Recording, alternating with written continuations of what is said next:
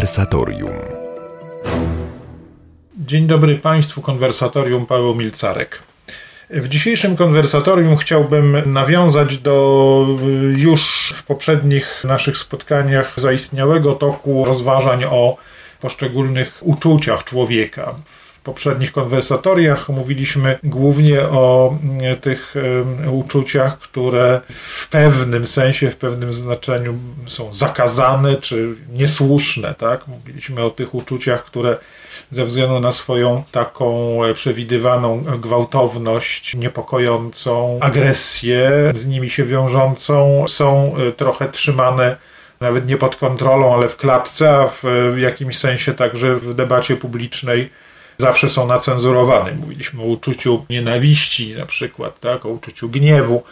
O każdym z nich, e, no nie tak jak mówi psycholog, ani nikt konwersatorium, ani ja w pierwszym rzędzie nie udajemy, że mamy kompetencje psychologów, tylko sięgając do klasyków tego tematu, klasyków filozofii, e, bo rozważania o e, uczuciach mają swoje początki szczytne i zawsze interesujące, początki czy to u Arystotelesa, czy u świętego Augustyna, no na przykład też u takiego autora może mniej znanego, ale dla znawców bardzo ważnego do, do dzisiaj e, filozofa i teologa Jana z Damaszku, czy w końcu Tomasza Zakwinu, może nawet nie w końcu, bo, bo, bo, bo mamy jeszcze jeszcze po drodze e, również mało znanego, ale ogromnie kiedyś czytanego Nemezjusza z Emezy z jego traktatem o naturze ludzkiej.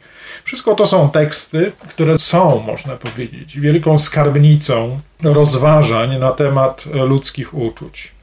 A ponieważ nie są to tylko rozważania, jakby to powiedzieć, eseistyczne, e, ale także zawierają e, zgodnie z wymaganiami logosu, pewne staranie o porządkowanie pojęciowe tych kwestii, no to mamy tutaj o, o, ogromnie ciekawy przypadek właśnie nie cywilizowania uczuć, ale ich racjonalizowania, ich widzenia w świetle, w którym e, w człowieku uczucia powinny być widziane, bo widzenie uczuć w jakiś zupełnie wyizolowany sposób jest, na pewno ułatwia e, ich analizę, ale w jakimś sensie mm, no, e, odsuwa nas od e, właściwego tematu uczuć ludzkich. Nie jakichkolwiek uczuć zwierzęcych, które także w człowieku mogą się znaleźć, e, ale uczuć tychże, właśnie takich z natury, powiedzieć, zwierzęcych, ale które wewnątrz człowieka jednak w swojej pełniejszej naturze mm, są, mają być ludzkie, a więc w, powstają i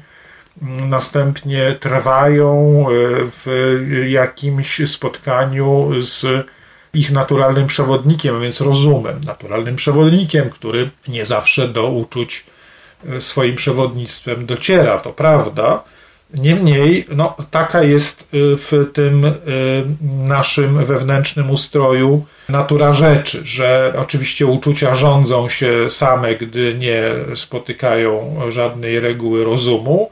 Rządzą się wtedy brutalnie, trochę tak jak jakaś banda podwórkowa. Natomiast oczywiście z, z natury są jakoś podatne na to, żeby w ten czy inny sposób podlegać y, perswazji rozumowej. No właśnie w tych perspektywach mówiliśmy o uczuciach do tej pory. Dzisiaj chciałbym powiedzieć o uczuciu lęku. Samo słowo lęk tutaj nam nie wystarczy. Jest słów kilka, które właściwie oznaczają, mogą oznaczać to samo uczucie. To jest niewątpliwie lęk, niewątpliwie bojaźń, takie można powiedzieć bardzo szacowne tak, słowo. O samo w sobie ono nas trochę trochę uszlachetnia swój przedmiot, tak, bojaźń. Lęk z kolei to jest słowo, które e, spopularyzowane przez, w, w nowoczesności przez, e, przez egzystencjalistów, w jakimś sensie zaczęło żyć innym, nowym życiem. Niemniej no zawsze wiąże się z tym, z tym podstawowym uczuciem, o którym będziemy mówili. I trzecie jeszcze słowo, które warto pamiętać, tak, słowo strach jest takie słowo, ono może e, właśnie najmniej szlachetnie brzmi, najbardziej tak właśnie zwierzęco, tak, strach. Niemniej to wszystko są słowa o tym samym. Timor, łacińskie słowo, które właśnie na przykład tłumacze sumy teologicznej świętego Tomasza oddają albo przez bojaźń, albo przez lęk. Tak jak poprzednim razem próbujemy znaleźć to uczucie na mapie w ogóle uczuciowości człowieka. Zdajmy sobie sprawę, że o uczuciu lęku mówimy jako o jednym z tych uczuć, które nas odnosi do dobra lub zła trudnego. Nie do dobra lub zła wprost, tak jak na przykład miłość i nienawiść, tak? Tylko do takiego przedmiotu dobrego lub złego, który jest dodatkowo obciążony jakąś trudnością. Trudność dotycząca dobra, ona zawsze polega na tym, że no jest jakieś dobro, którego, do którego byśmy zdążali, ale trudno je uzyskać. I ta trudność wyzwala szereg uczuć dodatkowych, na przykład uczucie nadziei, prawda? Jest takim uczuciem, które powstaje w nas, takie przekonanie na poziomie psychiki, rozpoznanie sprawy, takie stanowisko wewnętrzne, że to jest dobro, które trudno będzie uzyskać, to dotyczy przyszłości, nadzieja zawsze dotyczy przyszłości, dobro, które będzie trudno uzyskać, ale dobro, które mamy nadzieję, czyli jakby ważymy się na to, że to, że to uzyskamy. To jest trudne, ale nie zupełnie poza granicami naszych możliwości. Tak wygląda uczucie nadziei. Natomiast uczucie lęku, o którym właśnie dzisiaj mówimy, jest w stosunku do nadziei w pewnym sensie symetryczne, tylko dotyczy zła trudnego. Czyli takiego zła, które nam zagraża. Nie jest to jakiś przedmiot zły w ogóle, tylko konkretny, bo uczucia zawsze odnoszą nas do pewnych ko konkretnych zjawisk lub konkretnych obiektów, tak? choćby te obiekty były tylko w naszej wyobraźni, ale konkretnych obiektów. I ten konkretny obiekt to coś, co się do nas zbliża, rozpoznane jako zło w najbliższej przyszłości albo w jakiejś przyszłości, ale, ale lęk dotyczy głównie tego, co da się wymierzyć. Tak? Przyszłości, a więc w jakiejś niedalekiej przyszłości coś na nas spadnie jako zło i właśnie ta trudność. Nie spodziewamy się, że będziemy mogli temu złu stawić skuteczny opór. To jest jakieś zło, które nas opanuje, któremu nie będziemy w stanie się przeciwstawić. To jest właśnie uczucie lęku, którego przedmiotem jest zło trudne. Lęk jest uczuciem powstającym wtedy, gdy jesteśmy przeświadczeni, powstaje w nas takie stanowisko wewnętrzne, że, że zagraża nam coś, czego nie będziemy w stanie przezwyciężyć, przed czym nie będziemy w stanie uciec. O tym uczuciu chcę mówić w dalszym ciągu naszego spotkania. Wracamy do rozważań o uczuciu lęku. Przed przerwą doszliśmy do tej e, klasycznej definicji, czy klasycznego określenia uczucia lęku, że jest to e, jedno z tych uczuć, które dotyczy zła trudnego, czyli ciężkiego, zła niebezpiecznego, tego, które nas dotyczy i które nam zagraża. I uczucie lęku polega na takim stanowisku naszych dążeń, że spodziewamy się, że zagrażające nam zło nas przezwycięży, że to jest zło, którego nie jesteś, któremu nie jesteśmy w stanie stawić czoła. Z tego powodu uczucie lęku rzeczywiście, jeśli do czegoś mobilizuje, to mobilizuje do ucieczki. A więc e, oczywiście to jest bardzo istotny element, który tworzy pewną pozytywną postać, pozytywną figurę lęku, strachu i bojaźni, Mianowicie to, że to jest uczucie w jakimś sensie sygnalizujące konieczność ucieczki, ukrycia się. Nawet co starożytni oczywiście tylko y, sobie dedukowali, ale lubili rozważania o fizjologii, także uczuć. W związku z tym tak po swojemu jakoś ją również opisywali i między innymi też i w ten sposób, że zdawali sobie sprawę, że uczucie lęku związane jest z pewnym wewnętrznym takim, no z jednej strony mówili oczywiście o drżeniu, tak, wytrąceniu ze zwykłego funkcjonowania, tak, ta cała somatyczność człowieka jest, jest poruszona tak, że że utrudnia mu wykonywanie zwykłych e, czynności, ale poza tym, że, a może nawet przede wszystkim, że chodzi o pewnego rodzaju zwarcie się w sobie, tak? Jest nawet takie u Jana z Damaszku określenie, takie schowanie się, tak? no, uczucie lęku związane z pewnym chowaniem się jakby człowieka do wewnątrz, do wnętrza. Próba takiego bardziej lub mniej poważnego albo bardziej lub mniej dziecinnego.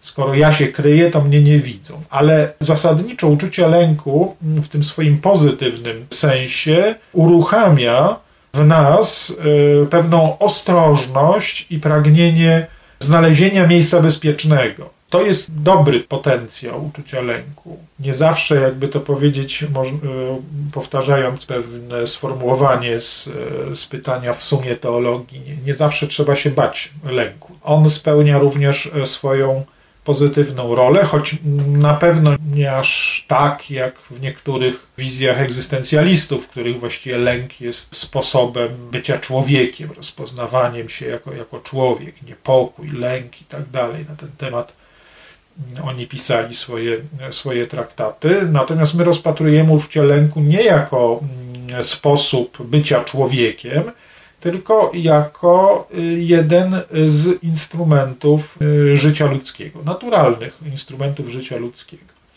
Powiedziałem za tymi wszystkimi mędrcami, których wymieniłem w poprzedniej części, za tymi wszystkimi średniowiecznymi i starożytnymi autorami, którzy o lęku czy bojaźni e, pisali, powiedziałem, że to jest uczucie, które odnosi nas do zła. Oczywiście pamiętajmy, że autorzy ci nie sądzili, w każdym razie chrześcijańscy autorzy już mieli e, na ten temat zdanie wyrobione. Zło nie jest żadną rzeczą.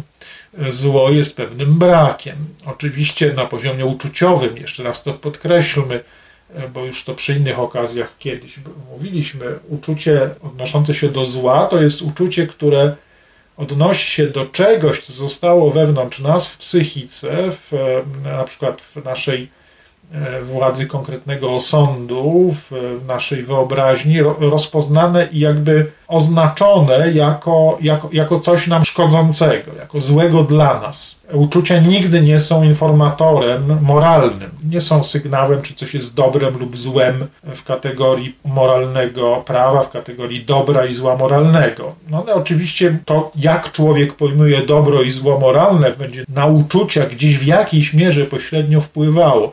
Niemniej nigdy uczucia nie są od tego zależne. Nigdy uczucia nie są w sensie ścisłym same w sobie moralne czy niemoralne. One są prostymi reakcjami, w jakiejś części fizjologicznymi czy somatycznymi, a w jakiejś części psychicznymi, z tymi somatycznymi powiązanymi. I dotyczą po prostu tego, czy coś nam zaszkodzi, czy y, nam y, pomoże, czy jest pożyteczne, czy jest przyjemne to są te rozpoznania, które nazywamy dobrem i złem.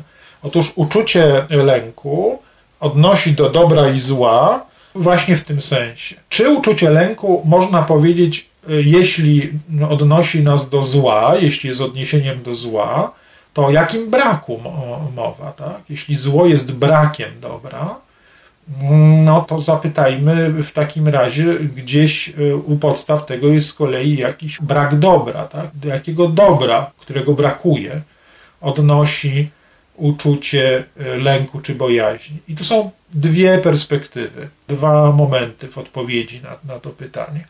Pierwsze, ogromnie ważne. Uczucie lęku jest y, mocno sprzężone E, z uczuciem i w ogóle szerszą także perspektywą miłości. Bo miłość to jest nie tylko uczucie w człowieku, ale, ale również uczucie.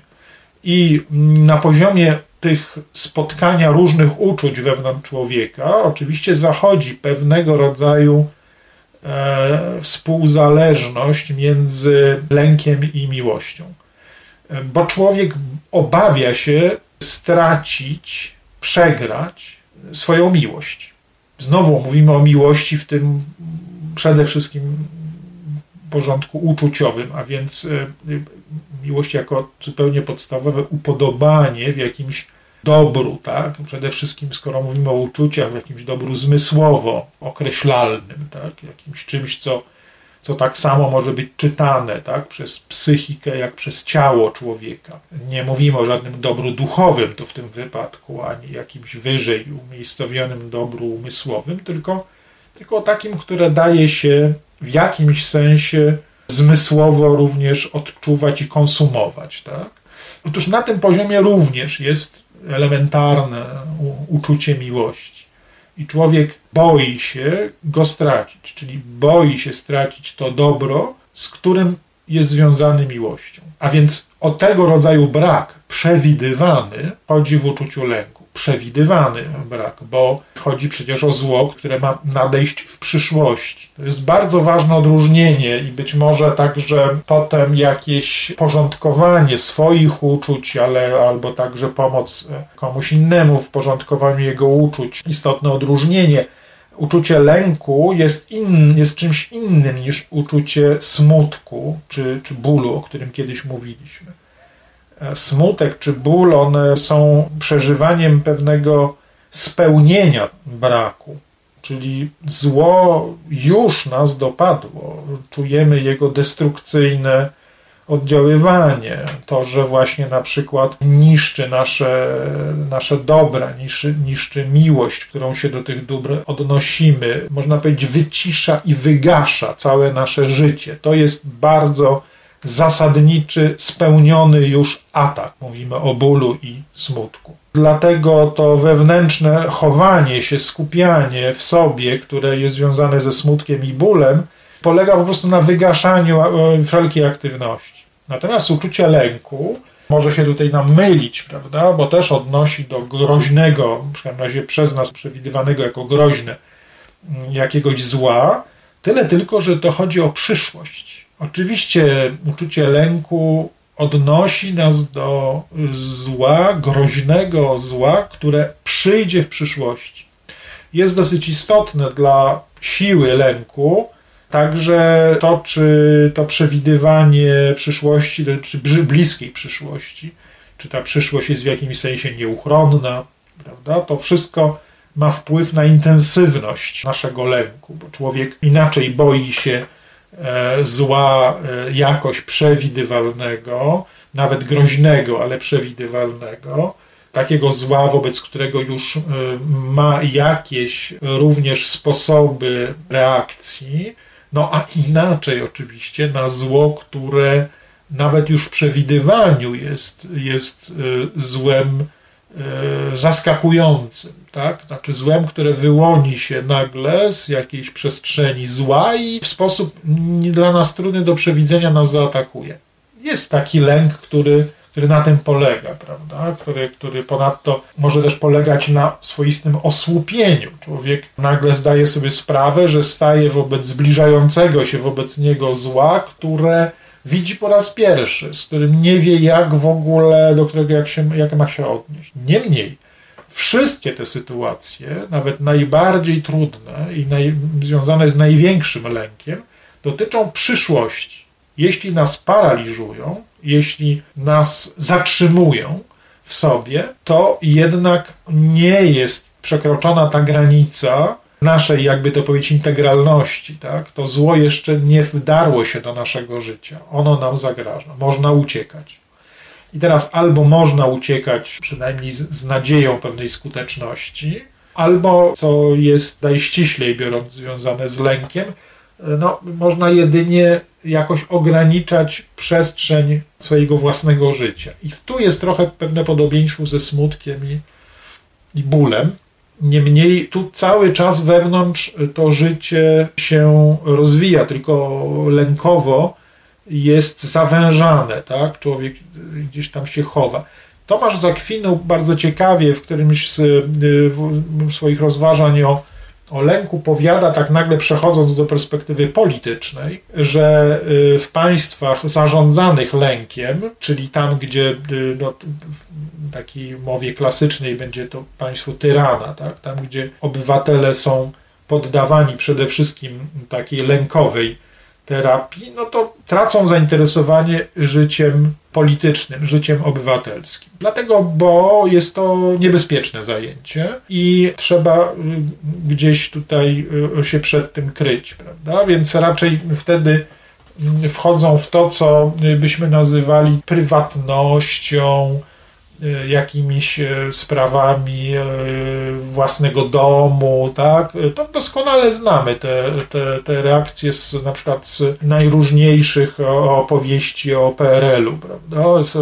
Brak możliwości albo nawet pewnego rodzaju niebezpieczeństwo zajmowania się polityką, tak? Powoduje, że ludzie koncentrują się na, na, na, na innych sprawach, też i kultura, twórcy zajmują się innymi tematami, jest to bezpieczne. W tym sensie lęk jest bardzo różny od bólu i smutku, a równocześnie no, gdzieś na którymś poziomie y, podobnie to wygląda i dlatego może być mylony. Wracamy jeszcze do pytania podstawowego. Co jest tym brakiem? Co, jaki brak występuje w, w lęku? Jakie, jakie po, poczucie braku? Pierwsze, to, że może zostać, może zostać zniszczona zupełnie podstawowy motyw życia, którym jest miłość taka, owaka, ta, ta czy inna, ale miłość. Powód jakichkolwiek działań, to pamiętamy Akwinata w słynnym fragmencie Sumy Teologii powiada, że cokolwiek działa, cokolwiek zawsze robi to z powodu jakiejś miłości. Tak więc więc oczywiście zagrożenie miłości to jest zagrożenie po prostu w ogóle motywu jakiegokolwiek działania, funkcjonowania. Lęku jest tym więcej, im mniej miłości, im więcej miłości, tym w jakimś sensie jest, jest mniej lęku. Chociaż oczywiście trzeba powiedzieć, że pozostaje mimo wszystko ten lęk polegający na nawet przy intensywnej, mocnej, mocno przeżywanej miłości pozostaje właśnie także bardzo intensywny lęk o mimo wszystko narażenie na, na, o lęk o to, żebyśmy nie narazili tej miłości na jakąś stratę, albo przede wszystkim kogoś, kogoś, bo już mówimy o tej wysokiej perspektywie, kogoś, kto, z kim miłością jesteśmy związani. I jest jeszcze ten brak, który w uczucie lęku jest wpisany jakby od wewnątrz, to znaczy brak sił, żeby przeciwstawić się złu. Człowiek boi się wtedy, gdy jest przeświadczony, że brak mu sił, żeby złu się przeciwstawić. A więc jak widać, uczucie lęku to nie jest byle jakie uczucie, to nie jest uczucie, którym należy pogardzać, które należy opisywać e, pogardliwym słowem tchórzostwo. Owszem, e, tchórzostwem jest pewne zastosowanie lęku, takie mechaniczne, w którym po prostu lęk staje się jedynym podstawowym, głównym motywem działania człowieka, wtedy oczywiście człowiek staje się tchórzem, ale uczucie lęku jest niezwykle ważne dla normalnego funkcjonowania człowieka i o tym mam nadzieję przy y, dotychczasowych y, rozważaniach y, już to stało się jasne, już staje się jasne, jest, jest widoczne. Nie jest się człowiekiem przez to, że człowiek się lęka, ale nie jest się również tchórzem wyłącznie z tego powodu, że odczuwa się lęk. Wracamy do, do naszych rozważań o uczuciu lęku, uczuciu lęku, uczuciu bojaźni, strachu. Mowa była o naturze tego uczucia, o także jego połączeniu z innymi uczuciami, no bo w człowieku zawsze uczucia występują w pewnych sekwencjach, łączą się ze sobą. Można jak zwykle przy tym temacie ostrzec, że uczucia wzajemnie siebie nie porządkują, tak? Nie, nie należy porządkować uczuć w sobie przy pomocy nasyłania jednego uczucia na drugie uczucie, tak? Na przykład właśnie już tu wspomniane banie się lęku. Po prostu właśnie to, że, że człowiek zaczyna się bać tego, żeby lęku po nim nie było widać. To jest początek przy naprawdę poważnych e, lękach i niepokojach, próba radzenia sobie z tym właśnie poprzez uderzenie mocniejszym lękiem w, w, w jakiś lęk. To jest początek zwykle jak bardzo nieszczęśliwej drogi. Tak samo jak e, zresztą e, próba poradzenia sobie z lękiem wyłącznie przez jego przeciwieństwo, czyli uczucie odwagi wspaniałe, zwykle potrzebne, takie, które trzeba w sobie kultywować, związane z tym, że się jest przekonanym, że zło, które nam zagraża w przyszłości, jest złem, z którym sobie poradzimy. W tym sensie jest to uczucie przeciwstawne do uczucia lęku. Niemniej, no, mimo że istnieje tak, że to jest taka piękna para, lęk i odwaga, to rzeczywistość nie polega na tym, że zawsze w każdym miejscu, w którym czujemy lęk, należy uderzyć w to również odwagą. Po pierwsze, rozpoznanie, które jest obecne w lęku, może być jakoś słuszne, nie musi być. Uczucia w ogóle nie są najlepszym źródłem wiedzy dla nas. I na przykład, gdy ktoś bardzo boi się małych myszek, to obiekt tych, tego jego strachu jest znikomy e, raczej. Natomiast w jego wyobrażeniach może być potężny. Może być to właśnie takie zło, któremu nie da się przy tym, no, trzeba wyłącznie uciekać, prawda? I to jest jasne, że wtedy uczucie lęku, przepraszam, dałem taki prymitywny przykład, ale ale wiele innych, trochę bardziej dyskusyjnych, no ale zawsze, zawsze może być taka sytuacja i bardzo często bywa, że człowiek czuje się zastraszony jakimś nadmiernym lękiem, dlatego że, że, że jakieś zło mu zagrażające widzi mu się potężne. I terapia w tym wypadku, przepraszam, używam słowa terapia, nie jestem terapeutą, ale pewne porządkowanie swojego lęku polega raczej na tym, żeby sprawdzić, jakiego rozmiaru jest naprawdę to, to zło, które, którego się boimy. To jest właściwa droga, podstawowa droga, a nie e, wyłącznie droga mobilizowania odwagi. Druga droga jest, jest potrzebna dopiero wtedy, gdy właściwe rozmiary zła są przed nami jakoś jako tako roz, rozeznane. Tak? Przynajmniej na tyle, że możemy powiedzieć na przykład, że nie wiemy, czy to zło jest naprawdę tak potężne. Natomiast im bardziej jesteśmy utwierdzeni w, w zdaniu, w przekonaniu, że, że zło jest potężne i groźne, tym większy lęk będzie wyzwalało. Nie ma tutaj żadnej możliwości, aby poradzić sobie z tym wyłącznie przez pompowanie w sobie uczucia odwagi. To w danej sytuacji może się sprawdzić, tak jak w danej sytuacji komuś może się sprawdzić to, że robi się odważny, jak napije się alkoholu. Potem już właściwie zawsze, gdy chce być odważny, pije coraz większe dawki alkoholu i nie kończy się to dobrze.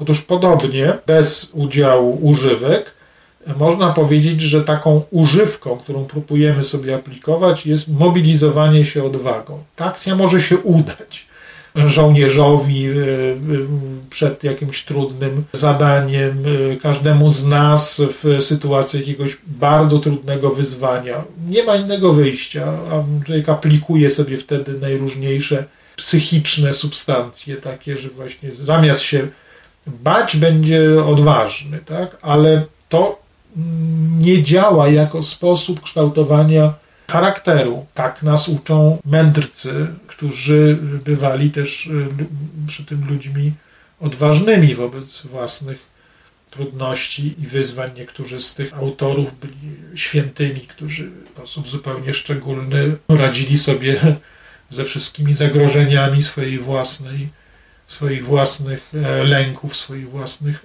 niepokojów również. I nie tylko dzieląc się własnym doświadczeniem, ile raczej właśnie dzieląc się rozumieniem rzeczy, uczą nas między innymi, że y, właściwą, właściwą drogą przemawiania do własnych uczuć, drogą dłuższą, drogą wymagającą bardziej, ale jest przemawianie do uczuć drogą rozumu, co oczywiście następnie musi e, mieć też jakieś konsekwencje, niewątpliwie także swoistego treningu. Tak? Skoro rozpoznajemy, że myszki małe nie są czymś tak strasznie groźnym, to jest to ważnym punktem odbicia do tego, żeby następnie rzeczywiście pozbyć się uczucia lęku, a do tego potrzeba niewątpliwie właściwie pewnych ćwiczeń, tak, które pozwalają wziąć mysz do ręki, zobaczyć jak jest ciepła, sympatyczna, nic groźnego.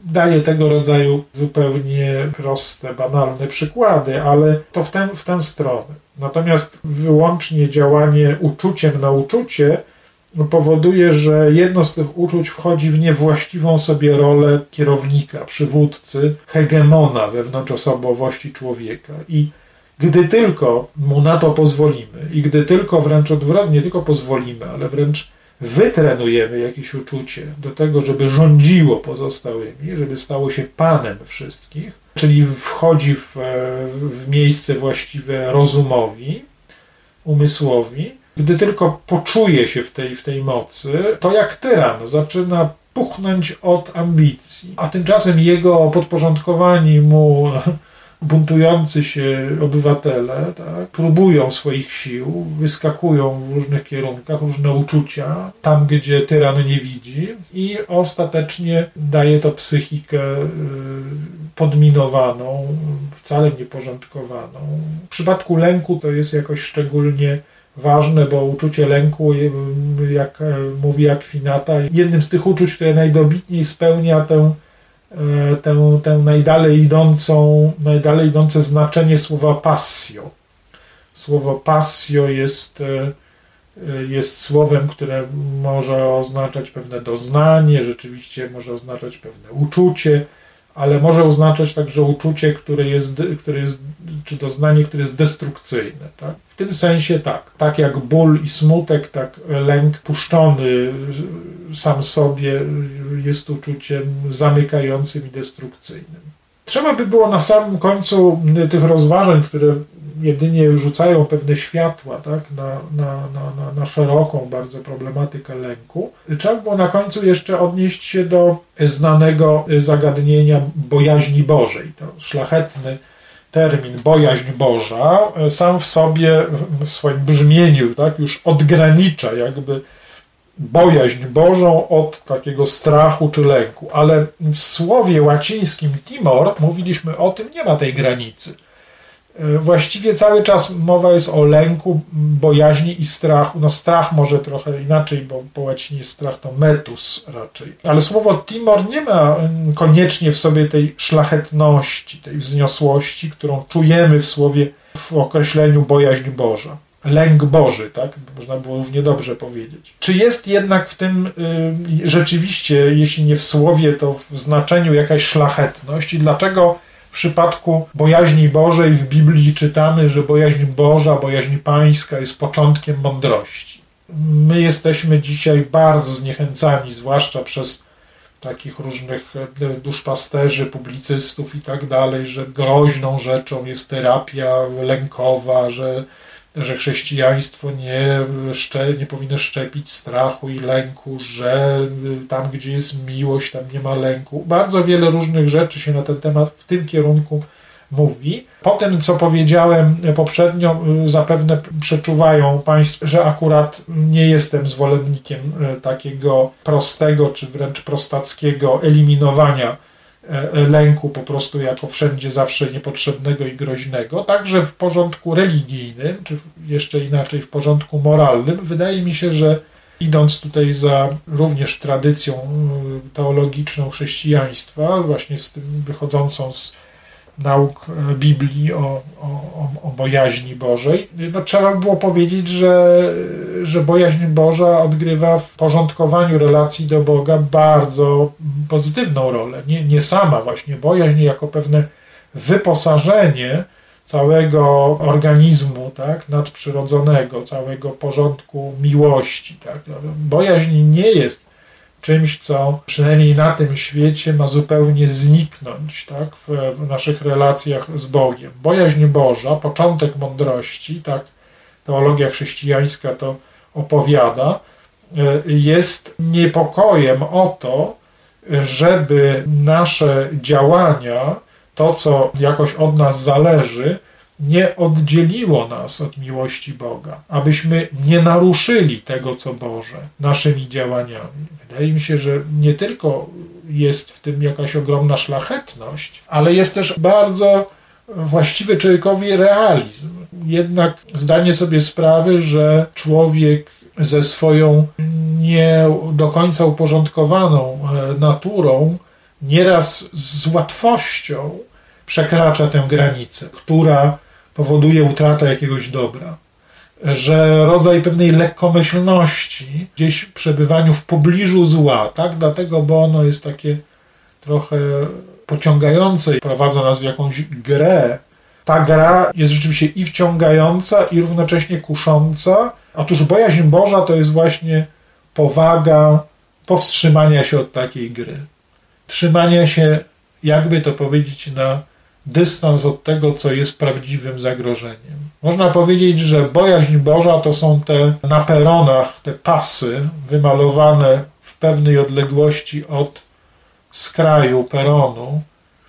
Nieraz te pasy przekraczamy, wchodzimy bliżej. To jest zawsze coś, przed czym nas y, ostrzegają. Proszę zejść z y, tej z, z kraju peronu. Otóż bojaźń Boża to jest umiejętność trzymania się, oczywiście to jest bardzo daleka analogia, ale, ale umiejętność trzymania się na dystans, na pewien dystans także od tej granicy, która rzeczywiście jest granicą zła. Bojaźń Boża, e, święty Paweł powiada, żeby trzymać się z dala także od tego, co ma pozór zła. Pozór zła to znaczy jest już jakoś mimo wszystko wyzwala w, w, w ludziach skojarzenie ze złem.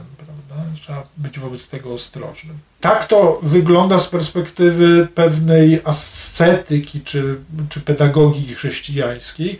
Natomiast oczywiście wewnątrz jest to samo zagadnienie lęku czy bojaźni, obawa przed tym, żeby nie wejść w takie sytuacje, w których nasz brak sił skaże nas na, y, na upadek. To jest natura bojaźni Bożej. Ona może być wysoko, że taka jakościowa, ta bojaźń Boża, taka właściwa łasce, to święty Augustyn to mm, chyba pierwszy odróżnił i po nim wszyscy to w jakimś sensie powtarzamy, że jest bojaźń niewolnicza i bojaźń synowska. Bojaźń niewolnicza to znaczy lęk, że rzeczywiście coś stracimy i, i już tylko spotka nas brak i kara zasłużona, albo bojaźń synowska, to znaczy, że że straci się to, co jest najważniejsze w życiu bliskość Ojca, bo o bliskość Ojca tutaj mówimy o bliskości Boga. No właśnie, to są wszystko perspektywy, tym razem już religijne, wiążące się z e, pojęciem bojaźni Bożej. Kończąc e,